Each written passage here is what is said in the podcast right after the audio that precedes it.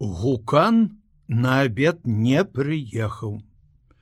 Кірыла шумны з раніцы вясёлы і лагодны пасля заканчэння свайго артыкула, пачаў хмурнець і злавацца. Знарок сказаў жонцы, што запрасіў у госці старшыню гарсавета. Валентина Андреевна надзвычай тонка адчувала мужаў настрой, а таму не ўпекнула ніводным словам. Калі ласка, абед у нас з галей добры, пачакаем, Кірыла паглядзеў на гадзіннік. Яму хацелася есці. Можа, таму і злаваўся. Пайшоў да яраша, які ляжаў каля ручая пад дубам і чытаў часопіс на ангельскай мове. Хам! Хто? Ярашу чамусьці зрабілася смешна, і ён закрыў твар далонямі. Калі я быў патрэбны яму, тады ён знаходзіў мяне ўсюды. Я знарок прасіў у рэдактора камандзіроўкі ў самыя далёкія куткі. Ён адклікаў назад і яшчэ папракаў, што я не маю партыйнага сумлення. Гэта не моя кніжка. Гэта партыйнае даручэнне і мне і табе вось як. Юпітер, ты злуеш і паўтараю не падабаецца мне твой намер запросіць чалавека каб даль бог я запрашаў шчыра. І пагутарыць хачу шчыра. Нарэшце чаму ты думаешь что за гэтыя гады погляды яго не змяніліся? Все змянілася. А калі шчыра то цярпліва чакай як добры гаспадар выбач. Мало чаго мог затрымацца чалавек. Ты сам не такі ўжо акуратны. Есці хачу. Табе карысна пагаладаць. Кірыла лёг на спіну палажыўшы руки под галаву смачна поцягнуўся доўга ўглядаўся ў лісце дуба у яго гушчары шасталі ці рушылі мохам нейкі птушки. Але ён ніяк не мог убачыць іх. І са смуткам падумаў, што слабее зрок. Непрыкметна прыходзіць старасць. Хацелася пафіласофстваваць на гэтую тэму. Але яраш уважліва чытаў, Кирыла паглядзеў на сябра і не адважыўся перашкаджаць. Жыла ў ім павага да людзей, якія чытаюць на замежнай мове, павага і зайздрасць. Ён шкадаваў, што быў гультаём і не вывучыў ніводнай мовы. Праўда, тут жа знаходзіў апраўданне. Яго пакаленню было не да таго. А хіба яраш не з яго пакалення. Неяк яраш сказаў, што не позна запоўніць гэты прабел. Цяпер не позна? Куды к чорту няма калі пачытаць народнай мове не тое што вучыць чужую. А неба неба якое сёння яснае. Яно ніколі аднак не бывае аднолькавым.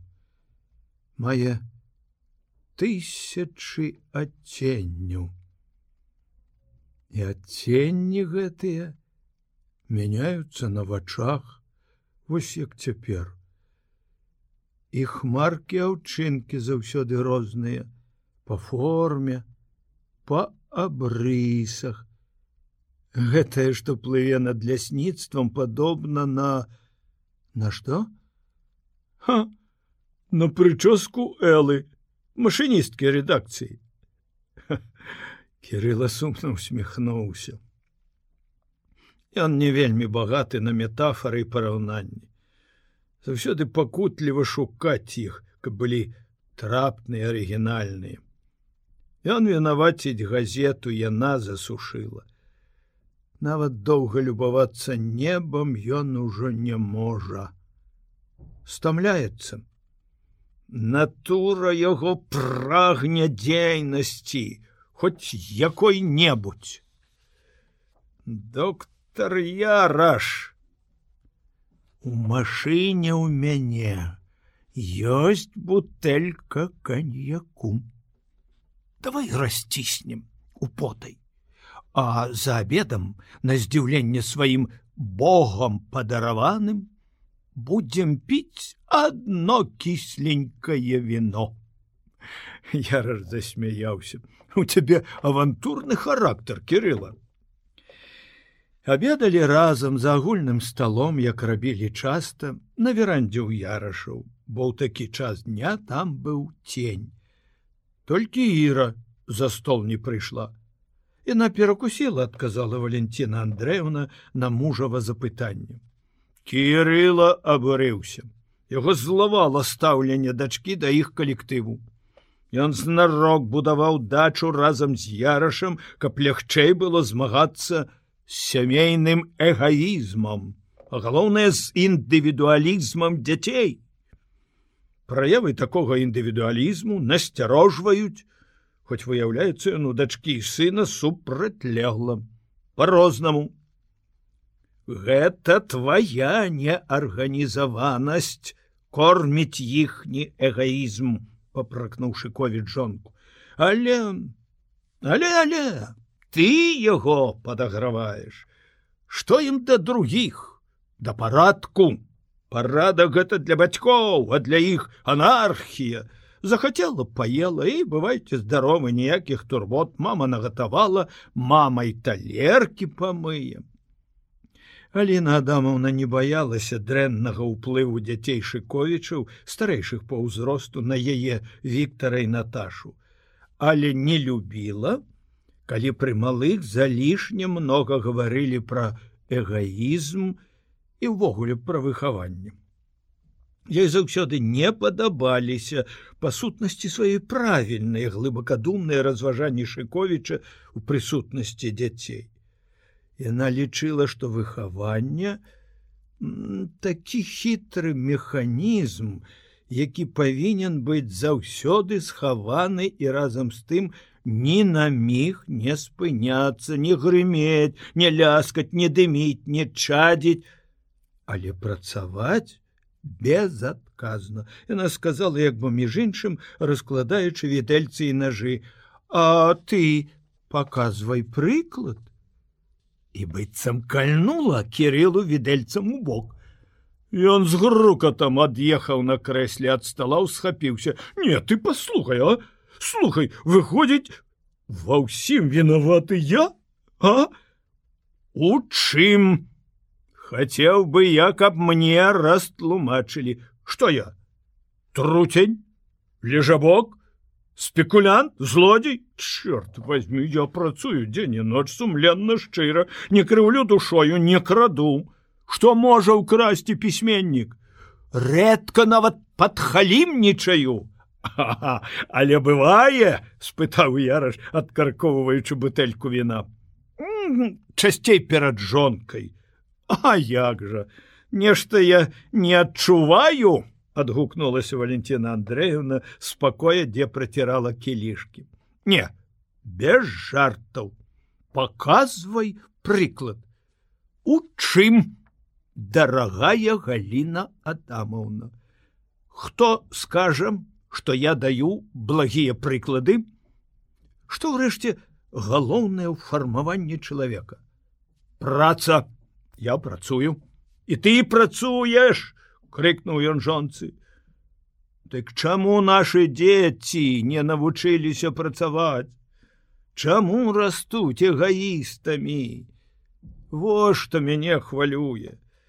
Твае дзеці не горшыя за іншых сказала валентина андреевна с крыўдай за дзяцей з'явіўшыся на парозе с кілішкамі і шклянкамі ў руках. Не горшыя супакоіла вось так заўсёды сваёй неразумнай любоўю ты разбураеш тое что я ствараю няправда при дзецях я ніколі не пярэчу. Але ты часцей гаворыш гэта мне, чым ім. Словы нічого не значыць зноў жа нібы так сабе між іншым кінула галіна адамаўна. Шыковіч узмахнуў руками як ястраб крыламі. Вось табе калі ласка а? А я дурань все жыццё верыў у вялікую сілу слова. Жыў за слова карміў дзяцей Наўрад ці чула Гліна Адамаўна, яна пайшла на кухню па стравы. Кірылу даўно ўжо злаваў гэты яе спакой. Ён добра ведаў, што яна зусім не такая спакойная, што яна ў 10 разоў больш нервовая, чым яго жонка. Няўраўнаважаная, раўнівая. Вось у размове з ім, асабліва калі размова пераходзіць у спрэчку, трымаецца заўсёды як королева з вышыней кідае бясспрэчныя ісціны она пайшла і кирылу расхацелася шумець і спрачацца цяпер толькі ён прыкмеціў які доўгі незграбны Віктор кожны раз калі пры ім дарослыя пачыналі гаварыць пра выхаванне дзяцей ён сароміўся чырванеў губляўся быццам размовы такія абражалі хлопца. Наадварот, Наташа слухала іх, разявіўшы рот. І цяпер яна сядзела на ўсходцах ганка, глядзела ў кніжку, а вухам лавіла кожнае слово дарослых. Я вельмі хацелася, каб выказаўся яе тата. Яна была ўлюбёна ў свайго бацьку, але яго, здаецца, цікавіў адзін столб як заўсёды ён наводзіў на ім парадак і прыгажосць. Ні мама ні цётка валя не ўмеюць гэта рабіць лепш за яго.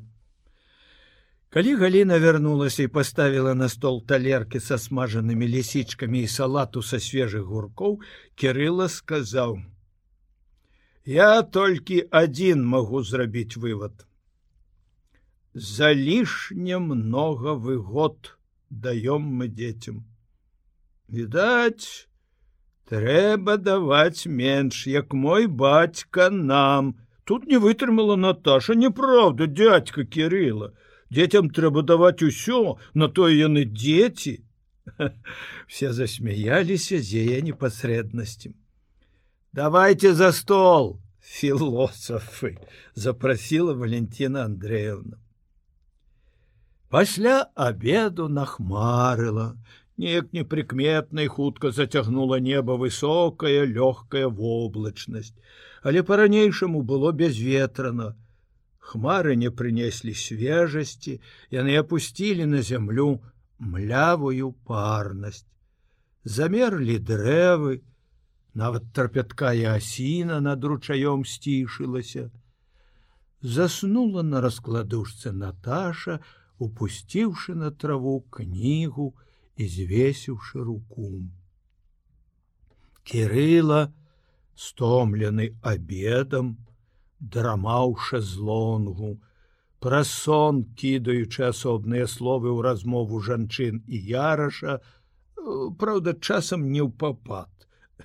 Гэта іх смяшыла, смех будзіў знясіленага чалавека, Ён расплюшчваў вочы, пагражаў пальцам мармытаў як Бог пакараў хама, што смяяўся сонна і галава яго зноў падала на грудзі.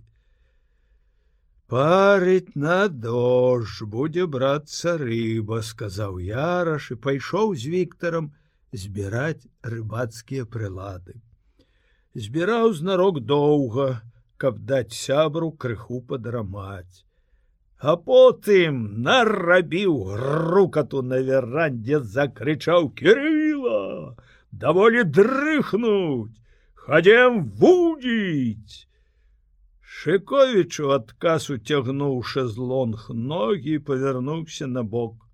Але валентина андреевна со смехом перакуліла шезлонг выкінуўшы мужа на зямлю. Ідзі ідзі няма чаго пуза гадаваць цягні яго антон Сухое сена на ўзгорку ляжалі першыя пакосы, разлівала далёка навокал не толькі густы водар, які п'яніў, але і асаблівую цяплынь, якая ўзнімала настрой, будзіла фантазію, уяўленні і ўспаміны маленства. Млявасць была ад нечага і іншага, можа, ад тонкага водару кветак у нізінах, ці едкага паху выкінутых на бераг водарасцяў, ілу і малюскаў.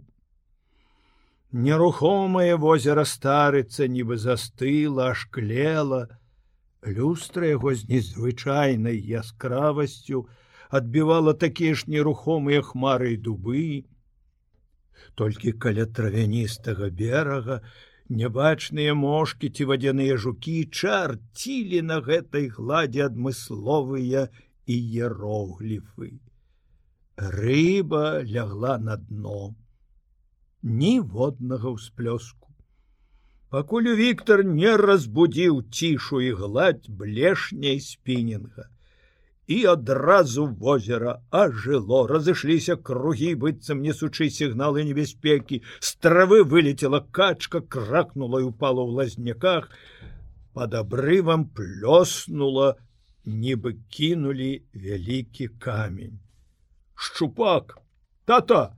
Бачыў які шчупак крыкнуў Віктор і пачаў кідаць у тое месца блешню Калі круціў катушку дзіўна пераламваў сваю доўгую нязграбную постаць, здавалася, што вудзільна пратыкала яго худы жывот наскрозь.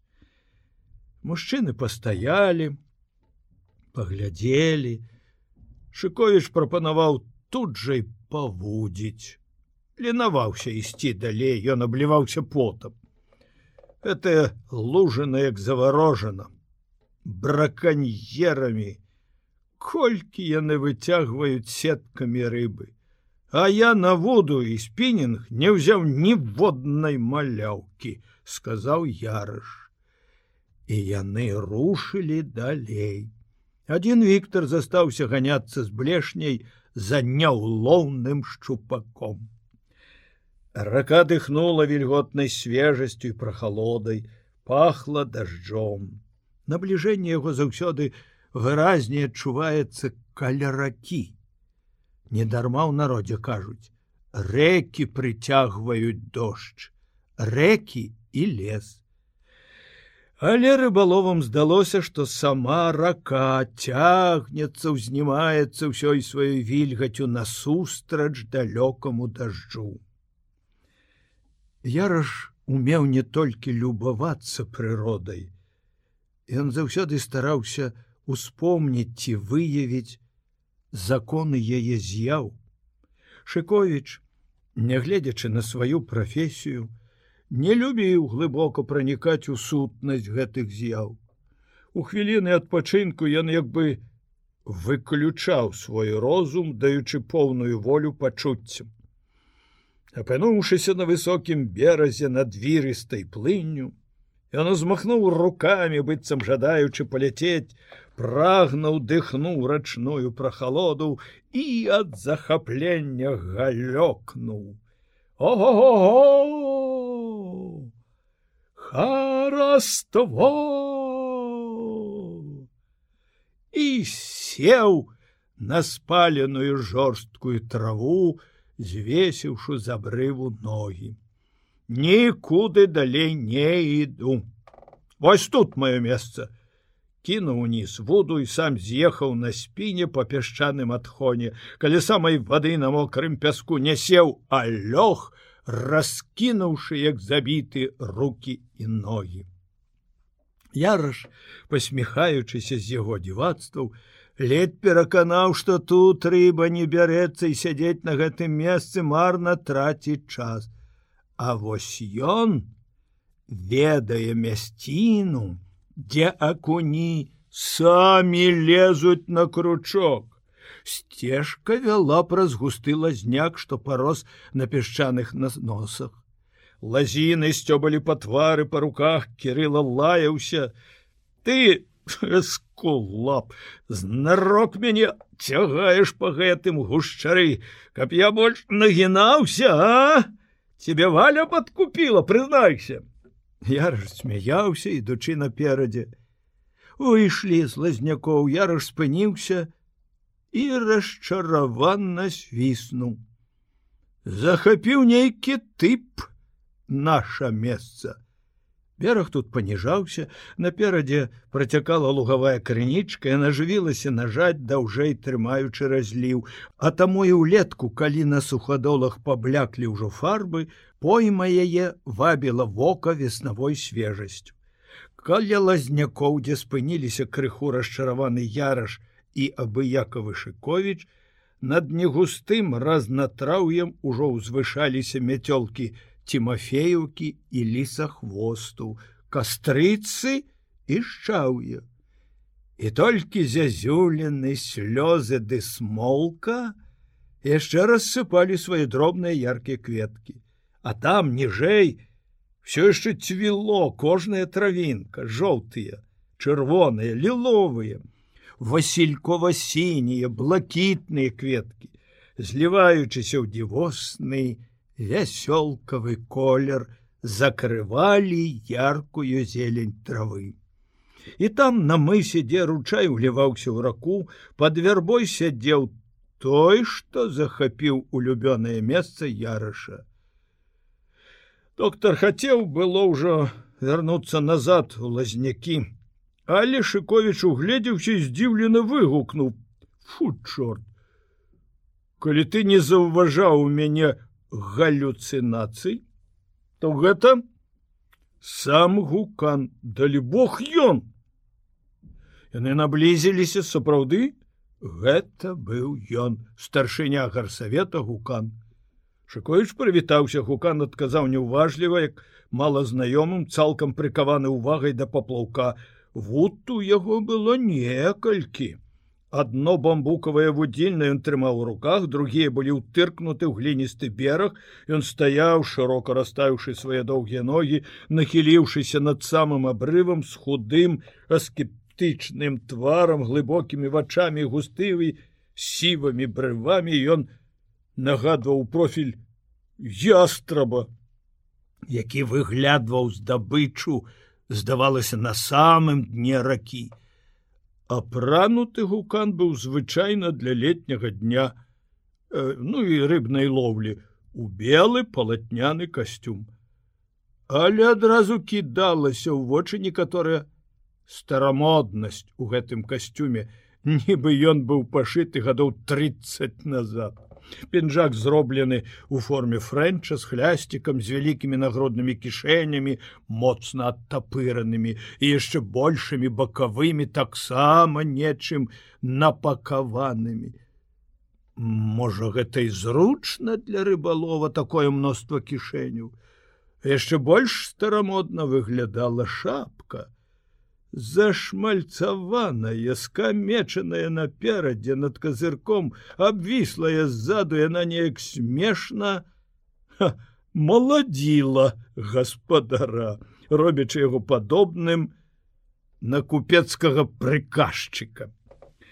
Ярыш заглянуў гумавае вядзерца што стаяла ззаду рыбалова убачыў што яно амаль поўнае рыбы і адчуў павагу да чалавека, які умее вудзіць. Не тое, што другі абы час загубіць. Доктар паважаў сялякае ўменне. Шковіч разглядаў гукана з іранічнай усмешкай. Ён упершыню бачыць яго у такой форме і ролі. Толькі подсекшы і выкінуўшы на траву трапяткога акунька гукан павярнуўся да іх і працягнуў руку. Что это вы семён парфёнович мы вас чакаем выказаў крыўду шыкович хоць цяпер яго чамусьці мала кранула тое што гукан не прыехаў рабач кирилла не ўтрымаўся ад спакусы. Калі нашаму брату даецца выбрацца на лону прыроды вось і думаю палаўлю і з'яўлюся ў госці са сваёй юшкай. Чакай! Нырнуў поплавок адной з вуд. Гукан спрытна скочыў да вудзільнай выкінуў срэбна-белую плотку. Яраж зняў яе з кручка кідаючы вядзерца спытаў гумай не пахне? Не праверана. То можа час ужо варыць юшку прапанаваў шыковіч ты бачыў як бярэцца паводзім доктор звярнуўся гукан да яраша мабыць адчуўшы ў ім аднадумца недарма кажуць рыбак рыбака бачыць даляка безумоўна паводзім падтрываў яраш скінуўшы тапкі падкасаўшы штаны ён пайшоў цераз ручай. Я далей Укан ацаніў яго рыбацкую далікатнасць, паглядзеў услед, сказаў: « Зайздрошчу гэтаму чалавеку волат! уздыхнуў: Няроўна дзеліць мацю прырода. Ды няроўна, каб ёй пуста было, згадзіўся кірыла, разматваючы леску. Ён прымасціўся тут жа крокаў за дзесяць ад гукана, хоць таму гэта, не вельмі спадабалася. Сеў на абрыве звесіў ногі да вады засадзіў чарвяка папляваў на яго нацягнуў леску сагнуўшы вудзільна і адпусціў. Кручок і груз паляцелі далёка ў раку але плынь хутка знесла паплавок да берага. А гуканавы паплаўкі наадварот цягне на сярэдзіну А нечаканыя павароты робіць плынь. Шыковіч прасачыў, як праплыў кусцік травы, паразважаў у думках над тайнамі ракі, зразумеў рэшце, чаму гукан заняў гэтае месца. Зліваюцца два струмені, ракі і ручая. Рыба любіць такія куткі яго месца ўжо не тое. Але не стаў шукаць другога. Тут хораша сядзець на мяккай траве. Вода блізка хоць опускаю я пра халоду ногі. Дзіўнае журчанне. Кирилла ўпершыню чуе такое. Быццам вода бяжыць па звонкай металічнай трубе. Чаму гэта? Адкуль струмень б'е ў бераг але бераг тут мяккі ён услухаўся угледзеўся.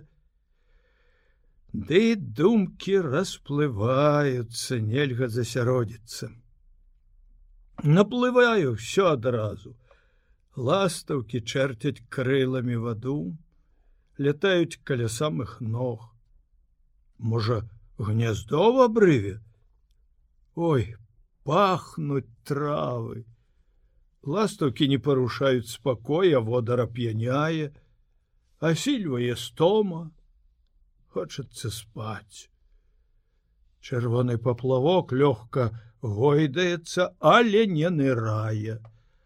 А ў гукана нырае, Той раз пораз падсякае, ужо колькі разоў паветра мільгалі рыбкі, трапяталіся ў траве, драбязу бярэ можна і з вудай браканьерыць трэба сказаць яму але не сказаў паленаваўся хацелася паваліцца ў траву і глядзець у неба дзе гусцеюць пярэстыя аблокі Сонца яшчэ прабівае іх але расплылося як яйка на сковородцы.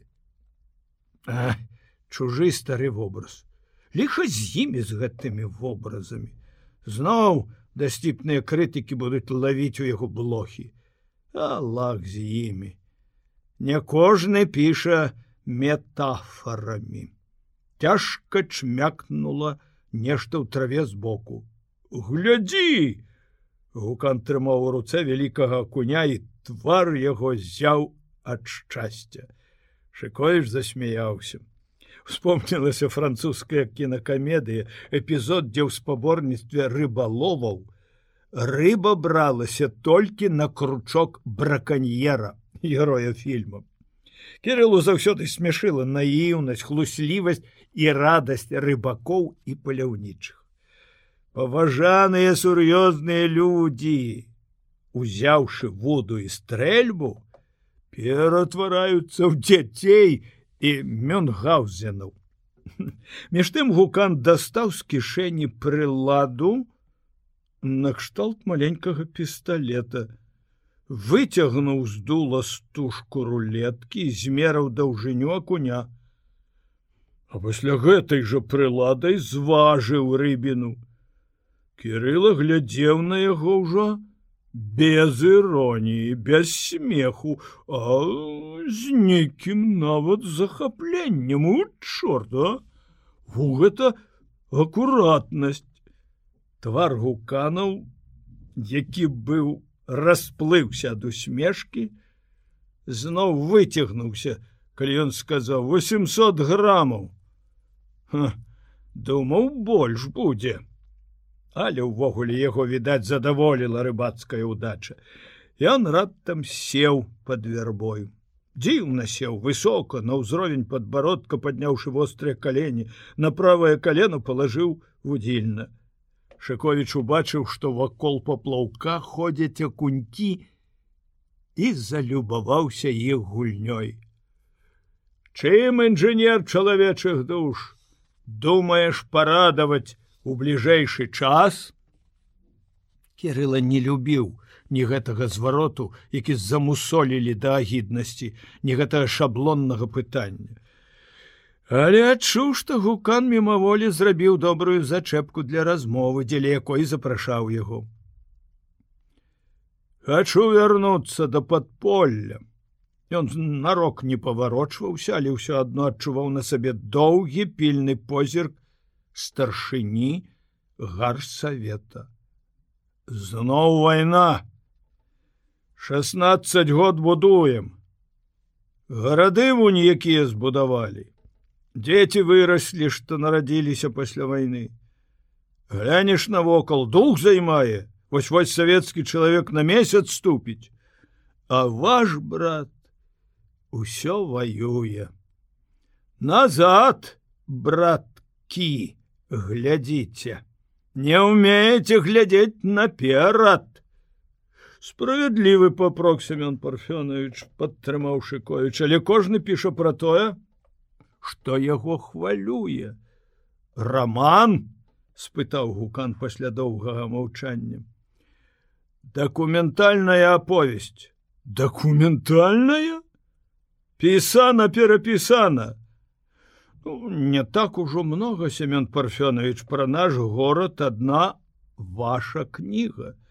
Ды да і колькі там про подполле мимоходь я хочу заглянуть глыбей.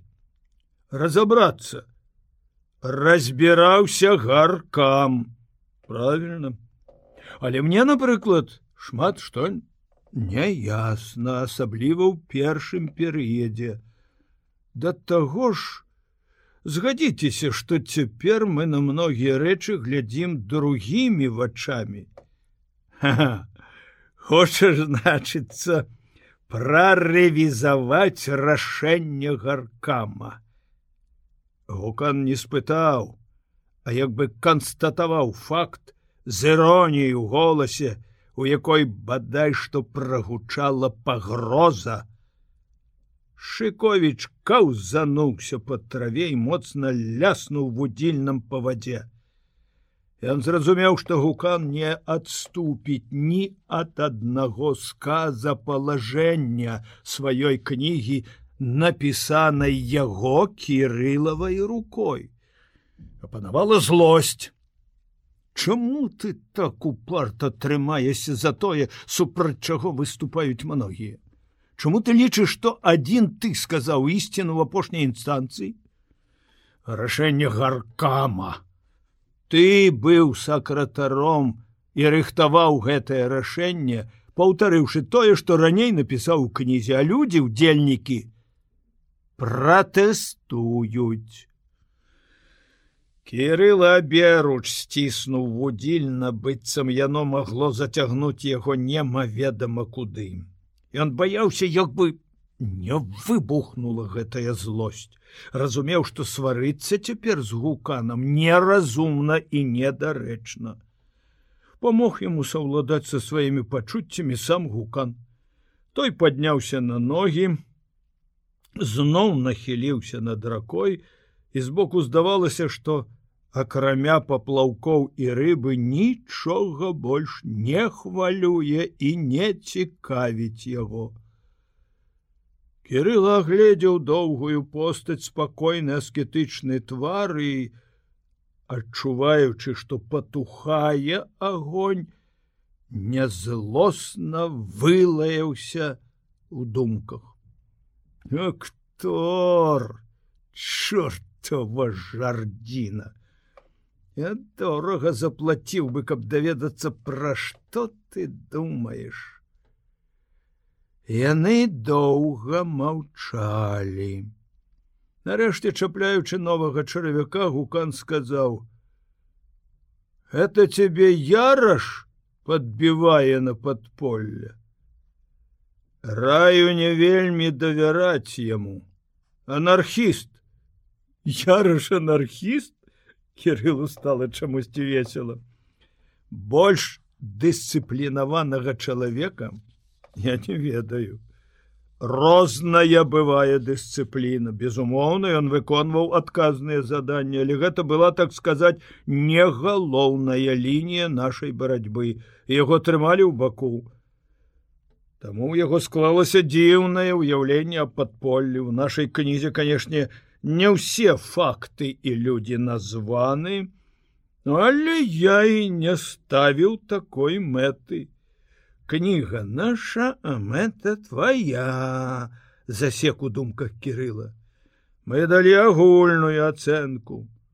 А я раш хацеў перакрэсліць усё, бо не назвалі яго. Помніш яго пісьмо. Шковіч успомніў сваё першае знаёмства з ярашам, як, атрымаўшы пісьмо, знайшоў маладога лекара. І той расказваў пра сваіх сяброў падпольшчыкаў з болем, з крыўдай. Не, Яраш пісаў тады не з-за сябе. У гэтым кірыла цвёрда пераканаўся. Але мае рацыю і гукан, У яраша ў той час сапраўды было блытанае ўяўленне аб агульнай карціне падпольнай барацьбы ў горадзе. Адначасова Кірыла прыгадаў сённяшнюю размову з сябрам. Яго словы пра тое, што ці варта варушыць мёртвых і падзеі даўно мінулых дзён. Нават яраш, нястрымны і нястомны яраш пачаў, Вось як разважаць. Что это старость дача голубы рыба. А можа сапраўды гэта не тое самае галоўнае что патрэбна цяпер народу? Шыковіча нярэдка ўзнікалі такія сумненні у актуальнасці сваіх творчых задум. Это не цяжкія сумненні. Яны часто выклікалі дэпрэсію, абыякаваць застой. Кірыла баяўся іх, Таму яму больш не хацелася не мацаць гукана, і ўвогуле прадаўжаць размову пра гэта трэба пераключыцца на штось іншае. Яму пашанцавала, нырнуў паплавок, ён падсек і выкінуў ніштаватага язя. Яго ўдача падаграла рыбацкі азарт гукана, бо язя той не ўзяў ніводнага. Семён парфёнович сеў бліжэй пачаў расказваць пра звычаі рыб. Расказваў падрабязна, хоць вельмі манатонна. Кірыла маўчаў, глядзеў як гойдаецца поплавок слухаў журчанне вады крыкі ластавак мацней пахла дажджом. Всё гэта супакоіла і зноў расслабіла мозг, тело, рака закалыхвала. Раптам гукан пачуў, як збоку ад яго штось цяжкае плюхнула ў ваду. Падумаў, абваліўся бераг, глянуў: няма Шковіча.